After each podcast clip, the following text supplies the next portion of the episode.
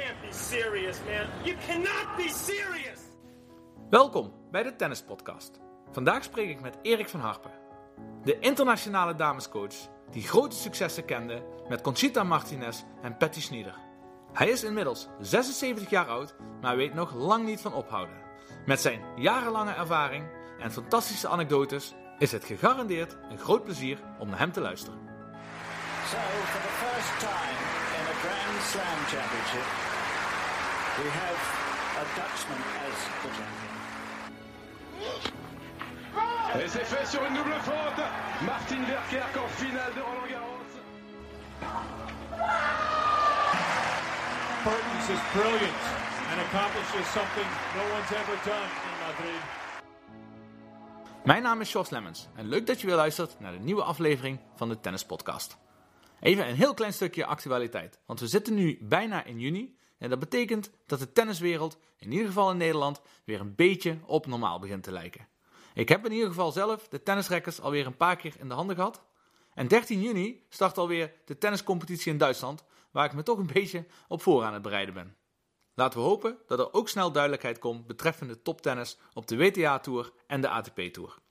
Voordat het zover is, hebben we gelukkig nog altijd deze podcast die tijdloos is met de gesprekken van topcoaches over hun ervaringen en visies in het toptennis.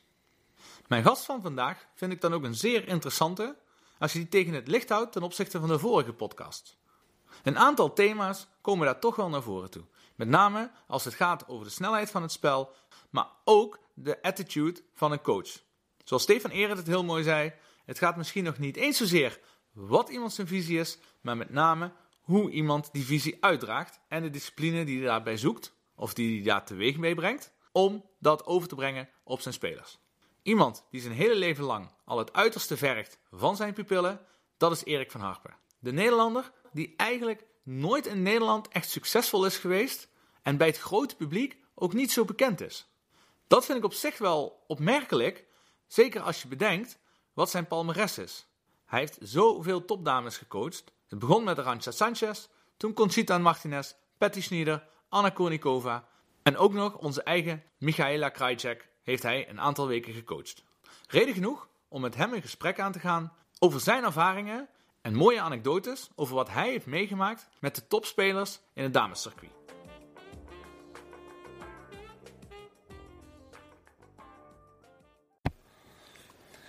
Erik, welkom in de tennispodcast. Super mooi dat ik je hier even mag uh, spreken. Uh, je hebt een enorme staat van dienst, daar is genoeg over te vertellen. Maar ik ben vooral even benieuwd naar je start in de tenniswereld, want je komt uit de voetbalwereld. Hoe is die overstap gegaan en hoe ben je eigenlijk in de topsport uh, terechtgekomen van het tennis?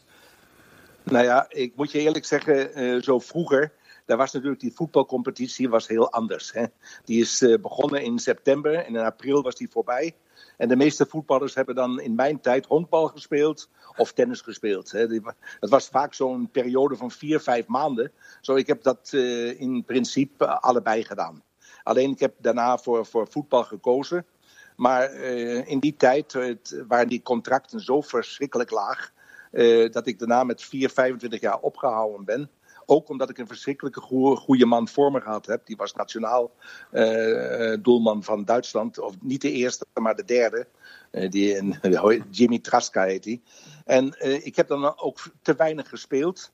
En ook haast niet, niets verdiend. We waren altijd degradatie. wat natuurlijk in principe interessant is. Het is beter degradatie als in de middenmoot te spelen. Dan heb je meer publiek. Maar ik heb dan ook heel veel tennis gespeeld in die tijd. En toen van daaruit uh, ben je, was het toen vrij snel duidelijk dat je tennistrainer wilde worden of coach ging worden? Ja, ik heb dan zelf gespeeld, oh, tamelijk goed. Ik was in Zwitserland bij de eerste tien, mm -hmm. maar ik heb dan toch gezien uh, dat ik geen kans heb met 30, 32. En dan, uh, dan kwamen deze, deze topspin jongens kwamen alle. En dan moest ik mijn, mijn greep nog een beetje wisselen. En dan heb ik gedacht van jongen met 32, laat het zijn. Word tennistrainer, daar is misschien meer toekomst. Ja, en ben je toen op clubniveau eerst begonnen? Ja, eerst op clubniveau. Uh, tamelijk lang, ongeveer zo tien jaar. Okay. En dan ben ik bij de Duitse Tennisbond. Uh, uh, in de, dat, dat district heet Westfalen. Westfalen, -hmm. dat is groot hoor. Er zijn, daar wonen wel zo 10, 12 miljoen mensen. En daar ben ik dan drie jaar trainer geworden. En dan bij Niedersachsen drie jaar. En dat ging het verschrikkelijk goed, van, omdat deze, deze bond was altijd, uh, had geen resultaten. En plotseling ging het goed met ze. Ja, en dat heb ik dan zes jaar gemaakt. En dan ben ik naar Klaus Hoofzes gegaan in Marbella. En daar ben ik dan begonnen met Arantxa Sanchez. Aha, en met Arantxa Sanchez ben je toen vrij snel één op één fulltime met haar uh, de wereld over gegaan. Precies, zo het, ongeveer twee jaar. Ze was uh, 12, 13. Mm -hmm. Het was verschrikkelijk leuk uh, in die tijd, omdat ik kan me herinneren dat zij de Spaanse kampioenschap gespeeld heeft. En om de finale met, met 13, dat was ook die tijd waar ook in Spanje die vrouwen nog een beetje de, da daarachter gelopen hebben. Ja. En uh, dan had man, had man eenvoudig naar de eerste set, omdat die een beetje lang geduurd had. Dat was de finale hè, van de Spaanse kampioenschappen. Hebben die gezegd: gaan jullie nu maar verder op een andere plaats, waar nu speelt Emilio. Emilio Sanchez hier, ja. de finale voor de mannen. Ja. Zo, dat kan je je voorstellen. Ja, ongelooflijk, ja. Ja, ik heb inderdaad een stuk uh, van haar boek uh, gelezen, waar jij ook genoemd wordt, inderdaad. Van dat, dat zij vanaf 13 met jou aan het trainen was. En is zij heel snel naar de wereldtop doorgestoten? Ja, met mij is, die, is er gegaan in in, ze was met 15 in de top 50. Ja. En dan heb ik een beetje problemen met de ouders gehad, uh, wegen, wegen geld. Omdat ze tot die tijd altijd gratis gespeeld had. En dan hebben die gedacht, dat gaat zo verder. Ik zeg, ja, maar kijk, wanneer ik met haar één op één werk, dan moet, moeten jullie me natuurlijk wel betalen. Mm -hmm. En zo ben ik dan van één dag op de andere ben ik aan Conchita Martinez gekomen. Oké, okay. Oké, en, en uh, van daaruit heb je niet meer gewerkt met Arantxa Sanchez uh, daarna? Nee. Oké, nee. Het doet me denken aan een, uh, een stuk uit het boek van Tiger Woods. Het is precies hetzelfde gegaan. dat, dat zijn familie, omdat hij zo het supertalent was, nooit ja. trainingen deed betalen. En, en, en dat de trainers gewoon aan de kant werden geschoven. ja omdat ze dan dachten, ja, je moet nu niet meer iemand anders. Maar iemand die alle tijd en energie erin heeft gestopt, die werd dan opzij geschoven. Is dat een beetje hetzelfde gevoel wat je daarbij hebt? Ja, nou, bij mij was het een beetje anders. Kijk, ik heb uh, dan ook het geluk gehad daarna dat ik uh, een man kennen geleerd heb, wat nu mijn beste vriend is. Hij is vicepresident van de ITF, René Stambach. Hij is ook president van, van de Zwitserse Tennisbond. En die had gezegd, Erik, kom naar Zwitserland, daar maken wij zo'n team. En jij zoekt die ja. spelers uit. Ja. ja, zo kon ik Conchita dan aanbieden. Ik zei, kijk Conchita, je hoeft niks te betalen. Die ouders hebben ook geen geld gehad. Ik zeg, je hoeft niks te betalen. Alles is betaald voor je. Uh, je kan bij mij trainen in uh, Zwitserland. Ja, en dat is dan zo gebeurd. En uh, vind jij dat je met haar de mooiste overwinningen behaald hebt? Ja, weet je, voor mij het mooiste, zeker natuurlijk, Wimbledon met een speler die, waar, waar, je mee begint, die nog nooit een, een, een tienduizender toernooi gespeeld ja. heeft. En wanneer zo'n speler natuurlijk nummer twee van de wereld wordt en, en, en Wimbledon wint. Maar ze had natuurlijk ook, wat ook voor mij heel erg mooi was, dat ze vier keer achter elkaar de Italian Open gewonnen had. Ja. Ja. ja dat was natuurlijk ook geweldig, was dat. Waar, ze was daar werkelijk zo'n beetje de koningin van, uh, van Italië. Uh, maar dat was natuurlijk, ik heb er natuurlijk ook met haar veel dingen gedaan. Ik heb haar uh, tweehandige backhand omgewisseld op eenhandig. Mm -hmm. en, en zulke dingen. Zo voor mij als trainer had, het, had het natuurlijk een ongelooflijk goed gevoel. Was dat voor mij. Dat was, voor mij, dat was mijn meisje, was dat, ja, begrijp je? ja, heel gaaf. Heel gaaf ja. En is dat voor jou ook echt je internationale doorbraak geweest? Waardoor je echt een naam werd in de internationale damestop. En je eigenlijk ja, bijna alles voor het uitkiezen had. Ja, de, ongeveer ging het daar heel gemakkelijk. Uh, we zijn dan drie, vier keer uit elkaar gegaan, maar ze is altijd weer teruggekomen. Uh, zo bij elkaar. Ik heb, was ook nog haar trainer met, waar ze 31 was. Ik was haar laatste trainer. Daarna is ze ja. opgehouden. Ze had een probleem met de Achillespees en is ze opgehouden. Zo, uh, ik was met haar zo vast 12 jaar. Ja, precies. En dan, ja, Martinez, zoals ik haar ken nog van uh, alle toernooien die ik altijd op tv uh, deed kijken, was natuurlijk een uh, hele harde werkster. Ehm, ook, eh, ook heel, heel, hoe zou ik zeggen, amabel. eh, ja, likable was ze ook, hè? Omdat ze heel eh, bescheiden was. Nou, ze was natuurlijk helemaal geen harde werkster. Nee, Eh, dat die zo kwam ze Arantje- over in het spel. Arantje was de harde werkster. Ja, dat, dat zeker. Conchita was, was normaal gesproken eer, eh, ik wil niet zeggen lui, Ja. maar eh, precies eh, zoveel hoe ze doen moest. Hè? Ook niks meer. Oh, oké. Ja, want ah, ja, Arantxa is natuurlijk sowieso het voorbeeld van de harde werk. ja, Arantje heeft, Ja. Was natuurlijk ook met Arantje, had twee broers gehad die, alle, eh, die beide zeer goed gespeeld hebben. Eh, en zij was de jongere. Zo, de- Ze heeft natuurlijk altijd. Dat waren natuurlijk hele harde werkers. Ja, ja want eh, inderdaad, want van daaruit eh, is er natuurlijk een andere naam waar je ook heel erg bekend door bent geworden. Is dat je natuurlijk trainer van Anna Kournikova bent eh, geweest. eh, in de Ja, daarvoor 10 van was ik natuurlijk. Ja, Ja, daarvoor, daarvoor was ik natuurlijk. eh, wat, wat voor mij eh, mijn tweede speelster was in mijn leven. Dat was eh, Patty Sneeder. ja daar, daar wilde ik ook nog wel wat over vragen. Maar dan, dan Ja, beginnen we maar die inderdaad is met Patty Sneeder. eh, want daar ben je Die, ook... eh, ja, die is meteen naar Conchita gekomen. Na Ja. Conchita, dat was in 1997, precies 1997. Dan is Patty gekomen, die was 500. En die was dan innerhalb van anderhalf jaar was in de top 10. Ja, maar daarna gebeurde natuurlijk ook wel iets heel bizars met Patty Sneeder. Toen ze Ja, dat was- een relatie kreeg met eh Reiner Harnecker, die in alternatieve geneeskunde zat en eh, eigenlijk hersenspoelde en, en liter sinaasappelsap liet drinken. Dat is wat ik nog ervan herinner. En zij verbrak haar familiebanden en eigenlijk verbrak ze maar nog, erg, maar nog erger. Nog erger was het, de, de, de tweede man, het, de, de detective, de, de Hofman, waar ze dan later mee getrouwd worden is. Ja, Ja. ja. Die, was nog, die was erger. Zou je dan... Oké, Ja, maar dat was hoe, een is dat, hoe is dat mogelijk dat zij... Daarin, is dat een, een labiel persoon dan, dat ze zo snel op zich in liet spreken? Hoe heb jij dat als trainer ervaren? Nee, nee ze, ze is helemaal niet labiel. Maar je hebt van zulke vrouwen, eh, die, die, daar zeg je van, kijk, hier heb je tien mannen. En negen zijn goed en eentje is slecht. En die pakken altijd die slechte. Ja. Ja. En zij was zo eentje. Zij was zo eentje. En dom is ze helemaal niet. Het is een heel slim meisje, Ja. normaal gesproken. Maar het is zo'n beetje, ook zo'n meisje. eh, vroeger had men altijd gezegd, dat is dat leuke buurmeisje van om de hoek. Hè? En dat wilde ze helemaal niet zijn. Ze, ze was in principe eh, wel een beetje, eh, hoe, zeg, hoe zeg je het, eh, tegen de draad in, begrijp je? Ja, tegen, ja, absoluut. Want de WTA heeft zichzelf daar nog mee bemoeid. Op een gegeven moment, omdat ze zich zorgen maakten. En Ja. Hoe was dat voor jou? Kon jij daar dat makkelijk Ja, dat loslaten? was voor mij of- heel erg moeilijk. Ja, Maar dat, dat is alles gebeurd in Australië.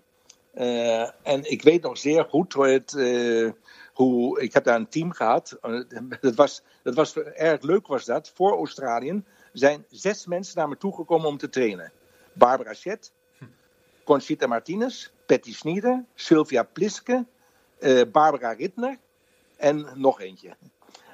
En eh, die zijn dan, eh, om, in principe zijn die één dag voor ons naar Australië gegaan. En waar we dan gekomen zijn eh, in Australië, was deze Harneke met een van mijn spelers morgens vroeg aan het spelen in, ehm, in het zwembad. En Patty had gezegd, wat een idioot. Verschrikkelijk, hoor, het is. Zo, ik heb gedacht, nou ja, daar is geen gevaar. nee. Maar het heeft zich dan innerhalb, eh, in binnen twee, drie dagen heeft ze dat alles veranderd. En dan was het al te laat. Ongelooflijk, hè? Ja. dat is- En je moet denken, ze wint voor Brisbane tegen Mary Pierce. En, en dan speelt ze de eerste set speelt ze helemaal die Morismo weg. Maar daar had ze geen kracht meer gehad. Was dat zoveel eh sinaasappelsap gedronken. Dat ze, dat ze helemaal eh, geen, Ja. geen kracht meer gehad heeft. Is dat je meest, is dat je meest bizarre situatie Ja, ja. geweest in je Ja. coachcarrière? Ja, ja, ja, ja ver, veruit. Veruit. Nou, oké, daarna dan even... En daarna kan Koornikov. Ja, precies. En eh, ja, goed, jij bent iemand die altijd eh, discipline eist van zijn speelsters. Eh, en Konikova, ja, de meest begeerde vrouw ter wereld op dat moment ongeveer. Lijkt een droom. Maar ik kan me ook voorstellen dat dat niet zo is gegaan als dat je van tevoren had gedacht. Nou, ik moet eerlijk zeggen, ik ben heel goed uitgekomen met haar. En ook met de moeder. En ook met de moeder. eh, die, vooral, ze waren ook ongelooflijk aardig tegen mijn dochter. En kijk, je, je weet hoe dat is als vader. Wanneer mensen aardig tegen je dochter zijn, dan, dan, dan hebben ze al een stukje van je gewonnen en alles mogelijke. Het was eenvoudig zo dat die, ehm, dat die Anna ongelooflijk veel eh, dingen naast het tennis had.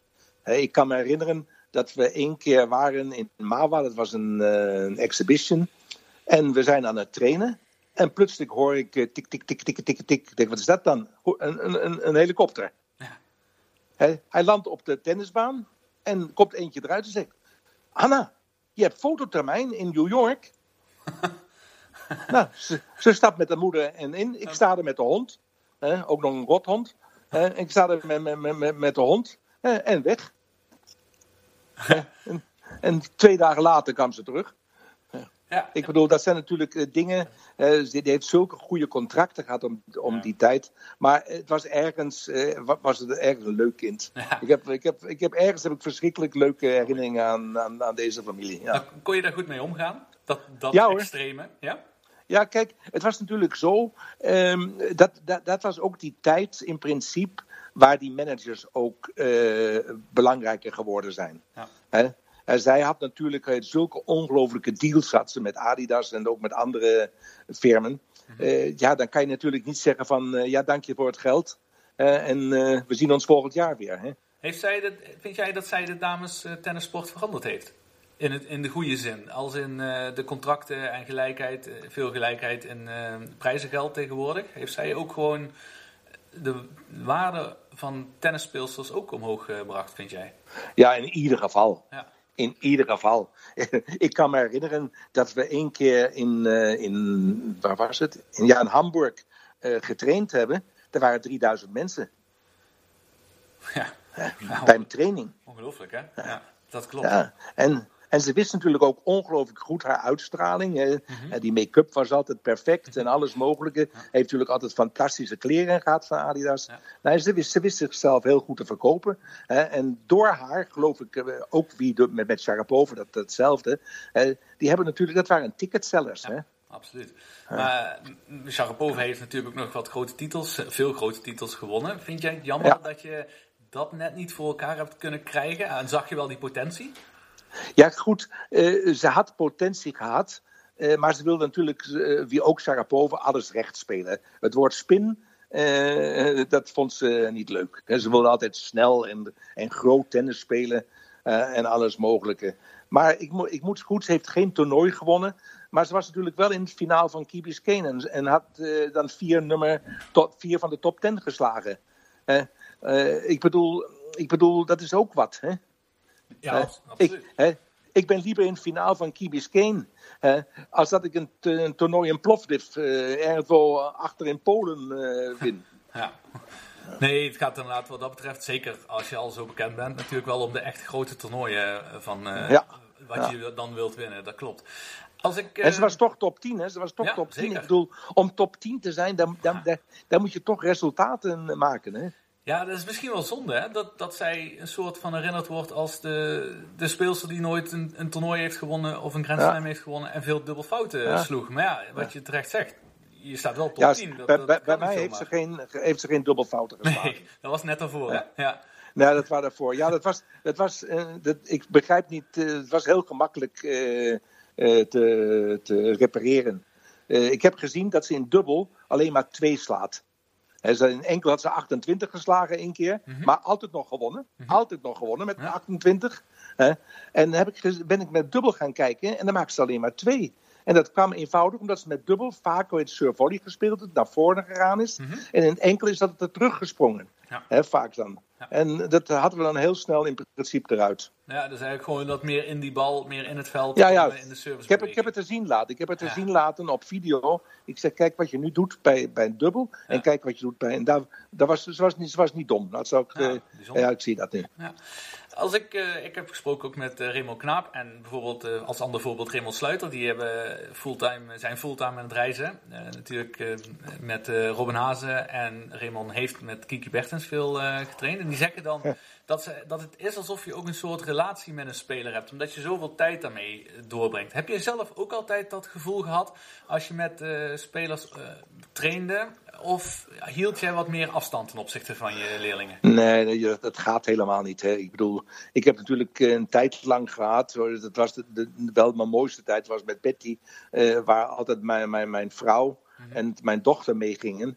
Eh, die, die Patty had een ongelooflijk goed contract gehad bij Swissair. En we konden al, altijd al uh, business vliegen, dus dat was fantastisch. Uh, maar uh, uh, ik bedoel, je, je eet natuurlijk, ja, je ontbijt met ze, je eet middag met ze, je eet avonds met je, je gaat met ze naar de film. maar natuurlijk, dat was vroeger veel erger als nu. want nu hebben die vaak een team bij zich. Die hebben vaak een conditietrainer bij zich en een fitnesstrainer. of een, een visio, bedoel ik. En ook, ook nog een, een, weet ik wat ze alles bij zich hebben. Uh, ook nog hun vriendjes en alles mogelijk. En dan is, wordt het natuurlijk een beetje gemakkelijker. Uh, ja. Vaak hebben die ook nog een verhouding tussendoor met een, met, met een van, van, van de ander. zo, dat is mom Vroeger ben je natuurlijk alleen maar met je speler, met je speelster gereisd. Daar kon geen mens had eraan gedacht. Alleen maar misschien bij grote toernooien hebben dan drie, vier meisjes, waar je hebt veel vaak ook met elkaar getraind. Dan hebben die meisjes gezegd: zullen we samen een visio meenemen? Hè? Maar eh, vandaag hebben die, die betere spelers die het betalen kunnen, die hebben een heel, heel team met zich. Hè? Ja, dat is zeker zo. Ja, dat zie je steeds meer. En uh, ja. ja. met al je ervaring die je op hebt gedaan, dus in het, uh, met, op, op topniveau, is het eigenlijk voor Nederland wel heel jammer dat je altijd in het buitenland bent geweest. Want als ik het goed heb, heb je toch ook met uh, Roman Gutske en Richard Krajcek had je altijd wel goed contact. Hoe is, hoe is het eigenlijk ja. dat, dat wij in Nederland niet van jouw expertise hebben kunnen genieten? Nou ja, ik heb natuurlijk ook uh, nog met Michele ja, gewerkt. Uh, ja, dat was al wel een redelijk korte mm. periode ook, hè? Ja, dat, dat, was natuurlijk was ook zoiets uh, waar, waar, waar, je ook twee keer bij nadenken moet. Ik vind het een mm. verschrikkelijk leuk kind overigens, hè? Ja, die, nee, die, die, Michele. Die Michele houdt het. Maar daar, daar, daar, daar klimt ze van 256 in, in zes maanden af nummer 76. Ja. Hè? En dan zeg ik tegen haar, ik zeg, Misha, hoeveel bel ik erop? Ik zeg, ik moet nu mijn tickets maken voor, voor Indian Wells en voor Key Biscayne. Ja, weet je, ik heb besloten daar alleen heen te gaan. Met mijn moeder en met mijn vriend. Ja, goed, dan heb ik gezegd van, dan uh, kunnen we beter ophouden. Ik zeg, wanneer je naar de twee grootste Amerikaanse toernooien uh, niet je trainer meeneemt, uh, dan, dan weet ik niet.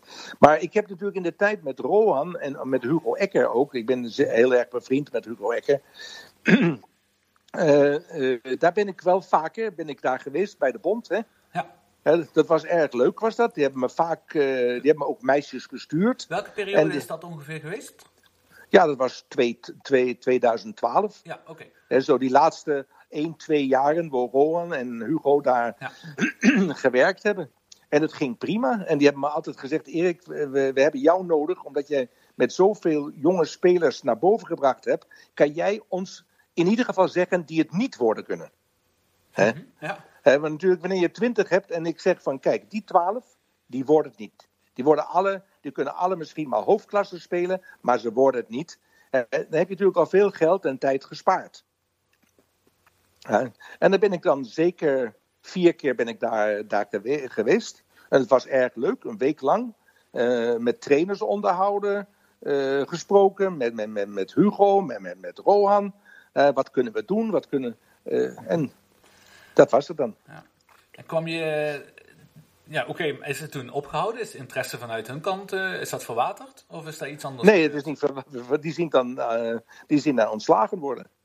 Ja, zij. En, en toen hebben ze eigenlijk jou niet meer benaderd in de, met de nieuwe ja, generatie beleidsvoerders. Nee, dan was Jan Sieberink was daar niet. Ja die dan gekomen is. En heb ik, eh, tegen, heb ik Jan maar een e-mail gestuurd. Ik zeg, Jan, wanneer je me maar nodig hebt om selecteren, dan, uh, en ik vraag ook geen, uh, geen uh, fortuin. Hè. Ik ben niet een verschrikkelijke dure trainer. dan kom, kom, ik graag. Dan heb ik hem na een jaar getroffen en zegt: hey, jongen, hoe gaat het? Leuk. hey, had hij gezegd, bij het opruimen van mijn mails heb ik jouw mail getroffen.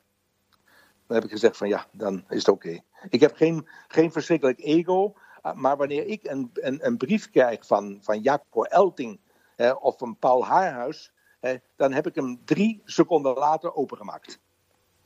Ja, precies. Ja, ja. Wanneer er eentje na een jaar zegt bij het opruimen van, van mijn mails, mhm. dan heb ik gedacht van, nou ja, goed, laat maar zijn. Ja, dat is zonde. Uh, in, die, in die periode dat je dus uh, aan het kijken was uh, welke jeugd eh, potentie had om echt door te breken. Wat is je Mhm. mening over hoe er werd opgeleid in Nederland? Hoe de, hoe de, vanuit de tennisbond of vanuit de privé eh, tennisscholen? Ja, kijk, vroeger was het natuurlijk, eh, eh, is ook in alle landen zo, heb je in, ook in Holland drie, vier, vijf grote tennisscholen gehad. Ik geloof Popeye en, en Goldstar, of misschien was dat hetzelfde. Ja. En, Ja, dat en is Amstel. Park. Ja. En dan Henk van Hulst. Ja, en dat weet ik. dus, klopt. Eh, Martin van Bruggen, eh, Ja. wat ik ook een heel erg goede Ja, trainer vind. Kiki ook natuurlijk. Ja. hij prima werk gedaan. Een van, een, van, een van de heel weinige trainers die een speler naar boven gebracht heeft. Hè? Dat moet je natuurlijk ook even, even waarderen. En ehm, eh, nu op het moment heb je natuurlijk 100 tennisscholen. en vroeger, wanneer je natuurlijk vier, vijf, zes goede mensen had die alle bij elkaar zijn, ja, die, die kunnen elkaar natuurlijk ook opbouwen. Hè? En dat heb je natuurlijk niet meer.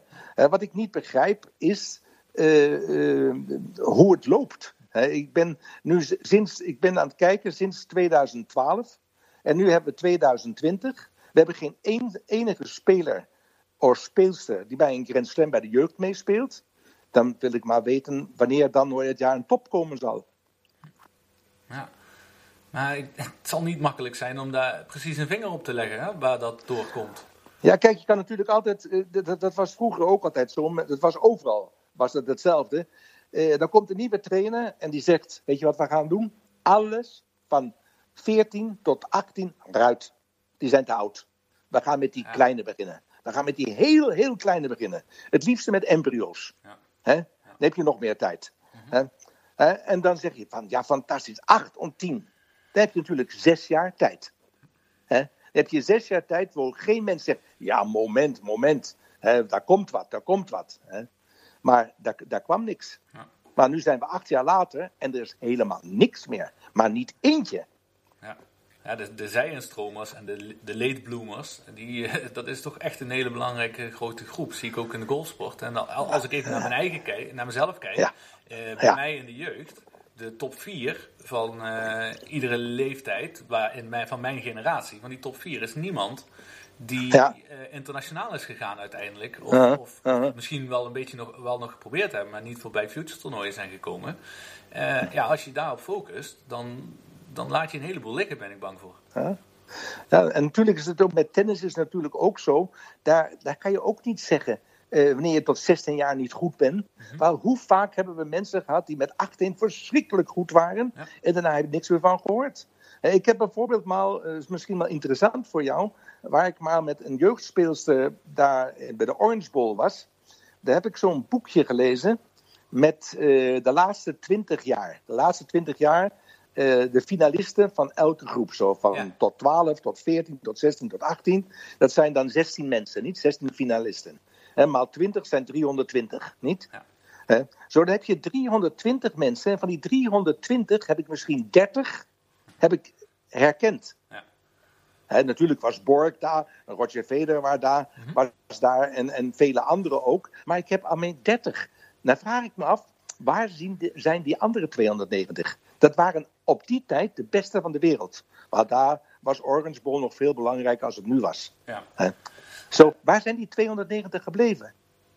Ja, precies. Dus, maar zeg je dan eigenlijk eh, dat jij ervoor pleit om op bredere schaal op te leiden en met grotere groepen weer te gaan trainen, zoals vroeger bij de eh, bekende grote tennisscholen gebeurde, waar je meer mensen had waar je samen mee deed trainen en daar, daarna... Nou ja, je moet, je moet natuurlijk een breedte hebben. Dat is, dat is, dat is waar je mee begint. Dat piramide-principe is natuurlijk niet slecht. Hè, maar ergens moet je natuurlijk, kom je op een moment dat je zegt: Ik heb hier twintig mensen. Die kunnen alle verschrikkelijk lekker tennis spelen. Maar ik geloof, die acht, die acht hebben een kans. En dan moeten die acht met ervarene trainer eenvoudig naar toernooien gestuurd worden. Eenvoudig speel, jongens. Speel maar. We gaan niet naar de resultaten kijken, maar we willen wel dat jullie je ontwikkelen. We moeten een ontwikkeling zien. Niet? Hè, en wanneer je natuurlijk niet dat oog hebt voor wie dat zijn kan, hè, ja, dan, dan, ma- dan maak je natuurlijk fouten. Hè? Ja. Hè, want dan moet je ook weten welke trainer goed door eentje past. Ze hebben niet alle hetzelfde training nodig. Eentje speelt misschien eh, liever van achter het topspin, de andere gaat misschien liever naar voren, weet ik veel. En zo, dat moet je alles een beetje, eh, eh, moet je dat dan eh, naar, naar kijken. Hè? En dat is alles individu- in- individueel. En dat kan je niet zeggen van alle moeten dat trainen, alle moeten zo maken. Daar heb je niet een, een, dat kan je niet zo maken op de computer. Hè? Dat moet je gevoel hebben voor, voor het. Ja. En dus is het niveau van trainers of misschien diversiteit aan mensen die dat kunnen zien, is daar essentieel in. Vind jij dat het niveau van de trainers in Nederland, is dat eh, toereikend? Ik geloof het wel. Ik geloof zeker dat je heel goede trainers hebt in Nederland. Daar ben ik, ben, ik- ben ik van overtuigd. Maar kijk, wanneer je natuurlijk bijvoorbeeld naar, naar deze scholen gaat en zegt: kijk, wanneer ze 14 jaar zijn of 12 jaar erg goed, dan moeten ze weg, dan moeten ze naar die en die school. Ja. Dan heb je al problemen. Ja. Hè? Dat kan je natuurlijk ook anders doen. Hè? Ik heb eh, ook altijd alle trainers waar. Ik was ben bijvoorbeeld een verschrikkelijke slechte trainer met, met, met beginners. Eh, ik- Ik heb dan waarschijnlijk, wanneer ik met beginners begin, heb ik in de tuin heb ik zo'n twintig van die kruisen staan. En die ik alle omgebracht heb. Ja. Eh, wa- want eh, dat kan ik helemaal niet. Maar ik heb een ongelooflijk respect voor deze trainers die me een product brengen. Dat ik zeg van kijk eens dan een lekker voorhandje, een lekker backhandje. Opslag gaat ook prima al joh. Hè, dan moet je natuurlijk zo'n trainer, moet je niet zeggen zo nu komt de grote van Harpen of de grote weet ik wat. Hè. Ik zeg nee, die moet je bij, erbij houden. Je zegt, jij hebt de rotwerk gedaan. Hè, jij moet ook het, eh, daarbij blijven. En je moet ook verder in het zonnetje gezet worden. Ja. En dan hebben ze natuurlijk helemaal geen probleem daarmee. En dan hebben ze natuurlijk helemaal geen probleem daarmee. Nee, dat, dat is een belangrijk punt wat je daar aanhaalt. En dat zie ik ook in meerdere sporten terugkomen. Hè? Dat het eh, heel moeilijk is om, om talenten ja, af te staan. Het voelt als afstaan. Maar je zegt, je moet er eh, eigenlijk ja. voor zorgen dat het niet voelt als afstaan. Maar dat ze doorontwikkelen en je er zelf ook nog bij betrokken blijft. En ja, Sjors, dan moet je natuurlijk ook denken... welke trainer heeft één speler in de top gebracht? Van Brugging, dat is de enigste. Ja. is de enige die begonnen is met eentje van 12, 13, 14 jaar. Ik heb vaak 7, 8 gehad. Ik heb die, dat, ja, die Ivanovic, Magwi Serna, ken je die nog? Magwi Serna. Oeh, daar moet ik hard denken hoor. Dat was zo'n kleine, een kleine Spanjaard, linkshand erin. Ja, ze won wel drie keer achter elkaar tegen Steffi Graaf. Oké. Hè, Ze was nummer 19 van de wereld. Die was met 12 jaar al bij meer, met 12. Ja. En ehm, eh, ik hoor vaak hoor ik trainers zeggen: eh, Ik heb nu eentje, oh, die breng ik in de top 50. En dan zeg ik: Jongen, dat kan je niet zeggen. Zeg, ja, maar die breng ik. Ik zeg: Heb je het al een keertje gedaan? Ik zeg: Nee, zegt hij dan. Ik zeg: Dan moet je zeggen: Ik ga het proberen. Maar wanneer je nog nooit iets gedaan hebt, hè, dan kan je ook niet zeggen: Dat ga, dat ga ik doen.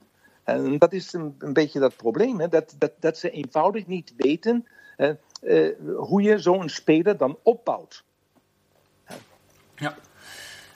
Nee, mooi, heel duidelijk verhaal. Eh, even naar het, eh, het, je huidige manier van trainen. Je hebt eh, eigenlijk na die periode wat je net zei, heb je dus tien jaar een, eh, een tennisschool in Duitsland eh, gehad. Ja. En tegenwoordig werk je weer één op één met grote talenten. Ja, één met twee, ja. ja, twee ja. met, ik heb twee, twee, twee meisjes. Ja, precies. Maar even, dat is natuurlijk een enorme verschuiving eh, in het tennis natuurlijk eh, geweest de laatste twintig jaar, zullen we het noemen. eh, Als je het vergelijkt met de tijd dat je met Conchita Martinez eh, trainde. Ja. En je kijkt nu naar tennis, nou, daar zijn we het allemaal over eens. eh, hoe snel het gaat, rallies korter, harder, et cetera. Laat ik er even een, een splitsing in maken. Als eerste jouw ehm, didactiek, de manier hoe jij met spelers omgaat, eh, hoe je ze coacht. Is dat veranderd in die twintig jaren? In de, laatste, in, in de laatste periode? Of ben jij nog steeds net zo direct of eh eis je Nee. evenveel? Nou, ik, ik ben, ik ben, ik ben, ik ben niet meer zo, zo ongelooflijk. Kijk, sinds ik getrouwd ben en getrouwd was, dat is ook weer voorbij. Ook alles door, tennis natuurlijk. Ehm, ehm, eh, en ik een dochter gehad heb, hè, dan word je een beetje rustiger. Hè, dan schreeuw je een beetje minder. En, en ik moet eerlijk zeggen, ik, eh, ik heb me daar wel veranderd. Maar de, de, de, de, de manier van train, train, train- trainen, de intensiviteit, is hetzelfde gebleven. Ja, ja, precies. Op die manier, als je er staat, je eist wel nog steeds eh, natuurlijk hetzelfde. Ja, en ja. als je dan eh, ja, de, methode, de methodiek eh, kijkt, dus de manier hoe je de trainingen geeft, daar zal wel Ja. een groot verschil in zitten, denk ik. Nee, is bij mij precies hetzelfde wie vroeger. Ja. ik ben altijd nog de, kijk, het is heel gemakkelijk. Eh, ik kijk, ik kijk wanneer, wanneer jij het eh, beter golf spelen eh, wil, ga je dan kijken bij jou op de club die daar op die matten aan het, die beginners die daar die ballen wegslaan? Of kijk je PGA? Nou, nou ja, je kijkt, je kijkt, ik kijk natuurlijk PGA absoluut om te zien wat, eh wat de ontwikkelingen Om beter zijn te worden, En, en, wat, eh, wat de technieken zijn. Eh, Precies. Precies, wat, wat, ja, dat, Ja. dat vind ik heel belangrijk om daarop op te anticiperen. Ja. Natuurlijk. Nou, kijk, wanneer ik naar tennis kijk, hè, het verschil tussen man- en vrouwentennis is, ik denk niet dat er veel sporten zijn waar het verschil zo groot is als tussen man- en vrouwentennis. Ja, Hè? duidelijk. En wanneer, dan ga ik me al zo ga ik me oriënteren hoe die mannen spelen. Hoe spelen die mannen? Bij die mannen die halen dat net uit, uit het spel. Die zeggen, dat, is, dat net is alleen maar om de plaats in twee delen eh, te delen. Begrijp je? Ja, je- Zo, de bal moet met een beetje hoger over het net gaan. En eh, die vrouwen die willen alles recht spelen. Alles meteen, omdat ze, ze, willen, ze houden niet van een rally. Nee. Ze, ze, houden ook niet, ze willen ook niet dat de bal terugkomt. En de man mag dat de bal terugkomt. Maar dan kan hij nog wat meer ermee doen en weer, weer wat ermee doen. Hè. Maar die vrouwen die slaan alles twee centimeter over het net en alles op die lijn. En dat begrijp ik niet. En dat begrijp ik niet. Ik denk dat het zo eenvoudig is om een goede tennisspeelster te maken bij die vrouwen. Dat is in principe, je moet drie, vier dingen doen. Je begint wanneer ze goed spelen kunnen. Je laat ze spelen met het net ongeveer een meter hoger. Begrijp je? ja. En dan heb je al natuurlijk verschrikkelijke lange rallies, omdat we het, je kan in principe geen punt maken, begrijp je? Hè? Maar daar leer je maar eerstens maal dat de bal een curve krijgt, begrijp je? Ja, zeker. Wanneer je dat doet, hè, dan laat je ze dat, ja, op driekwart spelen alleen met de voorhand. Daar leer je dat ze een beter oog krijgen. Wanneer je daar te, te langzaam bent, dan krijg je de bal op de, ruk, op de bekken niet meer met de voorhand, begrijp je? Hè? Dan neem je ooit dat net weg, begrijp je? Speelt precies hetzelfde. Maak, ze, maak je een lijn twee meter voor de eh, baseline en zegt alles wat daarvoor springt, hè, dat moet je aangaan. Dan wil ik, dat, de, de volgende bal wil ik een volley zien. Hè. Dan heb ik al twee, drie dingen heb ik al waar je in principe zegt, nou dat is al genoeg. Dat is al genoeg. Hè, maar kijk toch maar bijvoorbeeld zo wie vandaag. Eh, je ziet, welke vrouw kan een slijs spelen? Barty, Ja, en daar moet je aan nadenken gaan. Ja. Daar moet je aan nadenken gaan. ja nee, Vroeger? Ja. Vroeger kon iedereen een slijs spelen. Maar vroeger had natuurlijk ook 50% van alle vrouwen hebben een eenhandig gespeeld. 50%. Hè? Nu zie je nog twee, drie die met één hand spelen. Ja. Ze kunnen geen slijs spelen. Ze kunnen, meesten kunnen ook geen volley spelen. Dat is ongeveer een golf. Wanneer jij niet eh, in- uit de bunker komt en je kan niet putten. Dat, dat is toch belachelijk dat je een slijs, de gemakkelijkste slag die je in tennis geeft. Wanneer jij naar je tennisclub gaat, dan zie je daar misschien vier mensen die zijn 320 jaar oud. Die hangen samen met tape, maar die kunnen alle slijs spelen. Maar is, is het dan niet zo dat bij de dames, eh, dat zodra eigenlijk een dame onder druk wordt gezet en dus moet gaan lopen links-rechts, dat ze dan zo dik in het nadeel zijn dat ze de rallies eh, verliezen. En dat ze daarom dus aan het proberen zijn om zo direct mogelijk te spelen. Om eh, maar te voorkomen dat ze zelf onder druk komen te staan. Ja, maar waarom? Wij, ik ben zo blij dat de nummer 1 van de wereld, de Barty, Ja, wel. ongeveer zo speelt wie Roger. Ja, als mijn persoonlijke mening inderdaad, daar zit ik hier niet voor. Maar ik vind eh, Barty echt een fantastisch mooie speelster. Hoe zij speelt, en, zo... en eh, waarom? ja. Waarom? Ze kan natuurlijk ook een slijs spelen, ze kan een volley spelen, ze kan een hogere bal spelen. Zo ze heeft niet alleen een A-game, ze heeft ook een B- en een C-game. Ze beweegt, ook Hè? heel, ze beweegt ook heel goed, heel mooi. Ze beweegt zich ook heel, heel, heel soepel en ze speelt met de bal. Het is een tennisspeelster. Ja. Ze had het, de sleker in de hand wie, wie een, wie een eh, zeg dat, eh, speelgoed. Ja. En niet wie, een- niet wie een wapen. heel natuurlijk. Het ziet er heel natuurlijk Ja. uit, absoluut. Maar dat, dat, dat is zo, een dan eh, zie, je toch, dan, zie, dan zie je toch dat je met dit tennis nummer 1 van de wereld worden kan. Maar niet iedereen kan dat tennis toch spelen. Daar heb je toch ook wel een enorm natuurlijk talent voor nodig. Maar iedereen kan toch een slijs spelen. Ken jij een betere, ken jij een betere tempowissel tussen topspin en slice?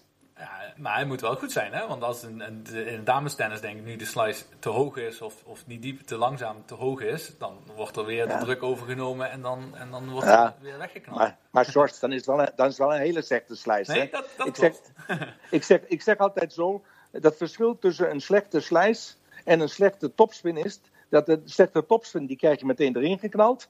Hè, omdat hij te kort is. Ja. En de slechte slice, normaal gesproken, is wenigstens is me- nog diep, begrijp je? Maar dat is toch een gemakkelijke slag. Dat is toch de gemakkelijkste slag in de wereld, een slice. Hè. Dus eigenlijk begint het dan met opleiden. Want Natuurlijk, natuurlijk met vroeg, opleiden. Vroeg eh, compleet opgeleid worden. Ja? niet Maar dan moet je maar natuurlijk ook. Maar dan moet je natuurlijk ook een, een, een zekere. eh, eh, hoe zeg je dat? Ehm, een- op de plaats een, een- mo- moet je ook een overwicht hebben, begrijp je? Dat je zeggen kan: kijk, vandaag is het zo, vroeger niet, hè, maar vandaag is het zo. Je hebt een meisje die speelt alleen maar topspin, topspin met twee handen en voorhand en backhand, kan niks anders. Nu zeg je tegen haar: weet je wat, we gaan oefenen? We gaan slice oefenen ook tussendoor. Ja. Hè? Nu verliest ze twee partijen die ze vroeger altijd gewonnen had. Ja, dan ben je, ben je al helemaal weg. Hè? Kijk, ik heb die Conchita, wa- heb ik van één dag op de andere gezegd van morgen speel jij met één hand. Ja. Maar dat meisje had ook tegen mij daarna gezegd, dat was altijd al mijn droom.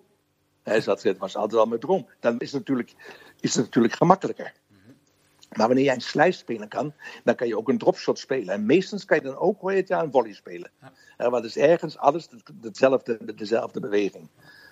Zo, dat is enorm belangrijk. En dat zie ik alles niet meer. Ik zie alle. Vroeger had je bijvoorbeeld met Graaf, met Sabatini, met Martinez, met Sanchez, met Celes, met, met eh, Novo- Novotna. Eh, je had alles verschillende speelsters. Alles had verschillend gespeeld. Al, vandaag spelen ze al hetzelfde. Misschien is het wel mooi juist voor de nieuwe generatie dat Barty nu nummer 1 is. En hopelijk kan ze dat lang volhouden. Want op die manier eh, motiveert het ook weer om diverser te gaan spelen. Als in de top 10 iedereen Ja, ja. exact Ja, ja. hetzelfde speelt, dan gaat iedereen dat blijven doen, toch? Precies, natuurlijk. Maar natuurlijk, het goede is natuurlijk ook, dat is het enigste goede misschien met de coronavirus, dat je misschien nu tijd daarvoor hebt om dat te trainen. Begrijp je? Ja, En- dat is, dat is goed wat je zegt, want daar was ik net ook al aan het denken. Eh, wat je, het voorbeeld wat je noemt met Martinez, die stond er één, ze stond erachter. Eh, want ze wilden het graag. En ten tweede Ja. gaf ze zichzelf de tijd ervoor. Maar in de huidige snelle wereld en ook snelle tenniswereld, waar je, als je zeker naar de damestennis de laatste jaren kijkt, Ja. even los van Serena Williams, eh, het komt en gaat. Zo snel. Het is net alsof ze geen tijd meer, alsof niemand meer de tijd heeft eh, om Nee. ergens aan te werken. Het moet heel snel Ik, resultaat ik, ik, opleveren. ik zie geen speelster zich werkelijk verbeteren. Kijk nog maar zo'n Sharapova aan. Die is met, met de Michael Joyce had ze gehad en dan had ze de, de geloof ik gehad, ik weet niet. Ze kan geen volley spelen, ze kan niet maar smashen. Hè? je, je weet, dat is toch niet normaal? Ik bedoel, dat, dat ga je toch een speelster bijbrengen, zulke dingen en alles mogelijke. En, maar ik heb het gevoel dat die trainers op het moment zo bang zijn Ja, dat, ze ja. iets veranderen en dat het dan niet lukt meteen. Hè? En dat er meteen, ah, ik weet niet, ik vind het helemaal niks. Ja, met trainer zegt ik moet doen, maar je hebt toch zo'n goede backhand gehad vroeger. Waarom heb je die dan veranderd, begrijp je? En dat ze zeggen, nou laten we liever zijn, laten we liever zijn. En vroeger had je als trainer veel meer macht gehad. Ja. Je had ook, geen, je had ook geen, geen manager die, die om de hoek kijkt en alles mogelijke. Die trainers zijn ook vijf, zeven, acht tot tien jaar met een speler samen geweest. Absoluut. Dat is iets wat me ook heel erg op is gevallen. En daar heb ik ook over gesproken met Rick Vleeshouwers, die met Elise Mertens eh, eh, reisde. eh, dat er zo snel van trainer wordt gewisseld in de damestennis. Dat, ja. inderdaad, eh, dat kan me ook voorstellen dat het ook een soort ja, angst oplevert voor, voor trainers om echt iets door te drukken. En dat ze, Ja, ze- sneller, zich sneller aanpassen. Wanneer het niet gaat, denken ze meteen, het ligt aan de trainer. Ja, precies. Hè? Ik, ik, heb, ik, ik weet me nog dat die Kirilenko bij me was. Ik meen, die is ook als nummer 80 ge- gekomen en nachher was ze nummer 17. Daar heb ik gezegd tegen, ik zeg, Maria, ik kan niet voor je winnen. Hè? Maar ik, wel dat je voelt dat je een betere speelster wordt. Ja. Nou, dan had ze gezegd van, dat voel ik nu al, dat was na drie weken. Ja, dat vond ik, dat voor mij was een ongelooflijk compliment dat ze dat gezegd had, Ja, begrijp je? Hè, want dat, ik kan alleen maar zeggen, ik maak je een betere speelster. 100% je bent naar straks een betere speelster. Ja. Hè, Dus- maar vandaag praten die alle over coaches en coaches en coaches. Een coach, George, kan iedereen zijn. Iedereen. Iedere speler, iedere Hollandse speler die in de top 100 staat, die is van, van spel sterk genoeg om met de top 10 te, spe- te spelen. Ja. Zo, hij, kan, hij kan met haar sparren en spelen. Eh, hij weet ook genoeg van tennis, vooral omdat die vrouwen af en toe eh, werkelijk een beetje, beetje eh, tennis spelen. Dat je zegt, wat, wat doe je nu meisje? Wat doe je nu? Zo, hij weet ook zeker tactisch meer van tennis of, of, of genoeg, begrijp je? Ja. Maar je hebt geen, geen mensen meer die spelers beter maken. Hè, dat moet ik zeggen, die trainer. Hè, ik ken die Bart die al heel erg lang ook was met eh, Jason Stoltenberg was. En ik vond het altijd al zo een, een meisje. Ik heb er da- daar gezegd, ze herinnert me aan Conchita, heb ik daar, daar, daar Ja. al een keertje gezegd. En eh, deze jongen die nu met haar is, heel rustig, hele rustige jongen, prima werkt. Ik zie dat ze iedere keer iets meer kan, iets beter kan, begrijp je? Maar dat kan je alleen maar wanneer je zo'n speelster hebt die zegt van, ik wil geen andere trainer meer, ik heb 100% vertrouwen. Hè? Maar wanneer zo'n meisje nu twee, drie keer achter elkaar verliest, dan komen stemmetjes van hier, stemmetjes van daar. Hè, dat weet je hoe dat gaat. Ja, daar komt waarschijnlijk ook nog weer de hè, die daarbij. Hè, maar die gaat natuurlijk met die, die fysio's, die hebben natuurlijk ook een beetje een probleem, ook die conditietrainers, dat die vaak, en daar hebben ze wel gelijk in, te veel op de achtergrond staan. Er wordt altijd op televisie de trainer eh, eh, ingeblend, begrijp je? Ja. En eh, die zijn dan ook vaak, wanneer ze niet werkelijk een, een, no- een, een normales ego hebben, zijn ze een beetje beledigd. Zo'n, nu kom je, moet je denken, zo'n meisje verliest en wordt uitgestretched, begrijp je? Ja. Is treurig en eh, dan zegt zo, jammer dat je verloren hebt, joh. Ja, waarom heb je dan zoveel op haar backhand gespeeld? Ja, omdat, omdat mijn trainer dat gezegd heeft. Ja. Oh, nou, ik dacht dat de voorhand slechter was. Ja, ik ook. En dan heb je al problemen. Begrijp je? Ja.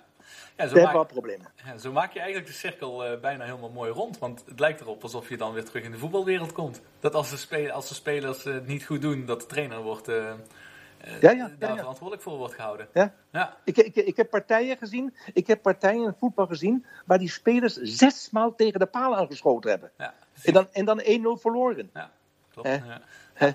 Dat is precies hetzelfde. Die één keer, één keer jaar, daar had die, eh, wie was het ook weer?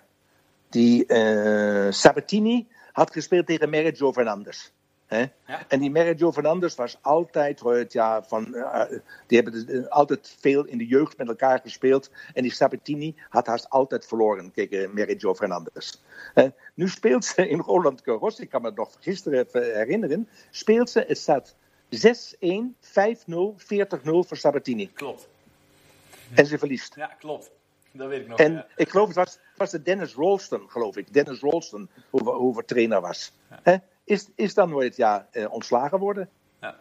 Ik meen, dat is toch belachelijk? Normaal moet je toch zeggen: Moment, Gabi. Je hebt altijd tegen dat meisje verloren. Hè, nu speel je zo geweldig dat het 6-1, 5-0, 40-0 staat. Dan ligt het toch niet meer in mijn handen. Nee, hè? daar heb ik er nog niks mee te doen. Hè? Maar zo, zo gaat het dan vaak, begrijp je? En eh, dat, is, eh, dat is heel weinig dat, dat je zo'n verhouding ziet tussen speelster en, en trainer vandaag. Dat je zegt van, nou, dat vind ik goed. Die, hoe die met elkaar praten, weet je, weet je wel. eh, dat vind ik fantastisch. Ja, Erik, fantastisch. Ja, we hebben al een eh, extra lange uitzending ervan gemaakt. We al, eh, zijn drie kwartier aan het eh, praten met elkaar. Maar voor me, ik vind het heerlijk om met je te spreken. En we zouden er nog een uur door kunnen spreken. Maar Ja, het is joh, precies heel mooi om te horen wat je, allemaal, wat je meningen zijn en wat je hebt meegemaakt. En ja, ik wil je echt super bedanken om deel te nemen aan deze, aan deze podcast. Hey, eh, heel graag gedaan. En wanneer je maar weer iets hebt of, of iets beter wil, hè, dan kan je me altijd opbellen. Dat is heel fijn. Ga ik zeker doen. Dankjewel, Erik. Hey, graag gedaan, jongen. Hey, doei.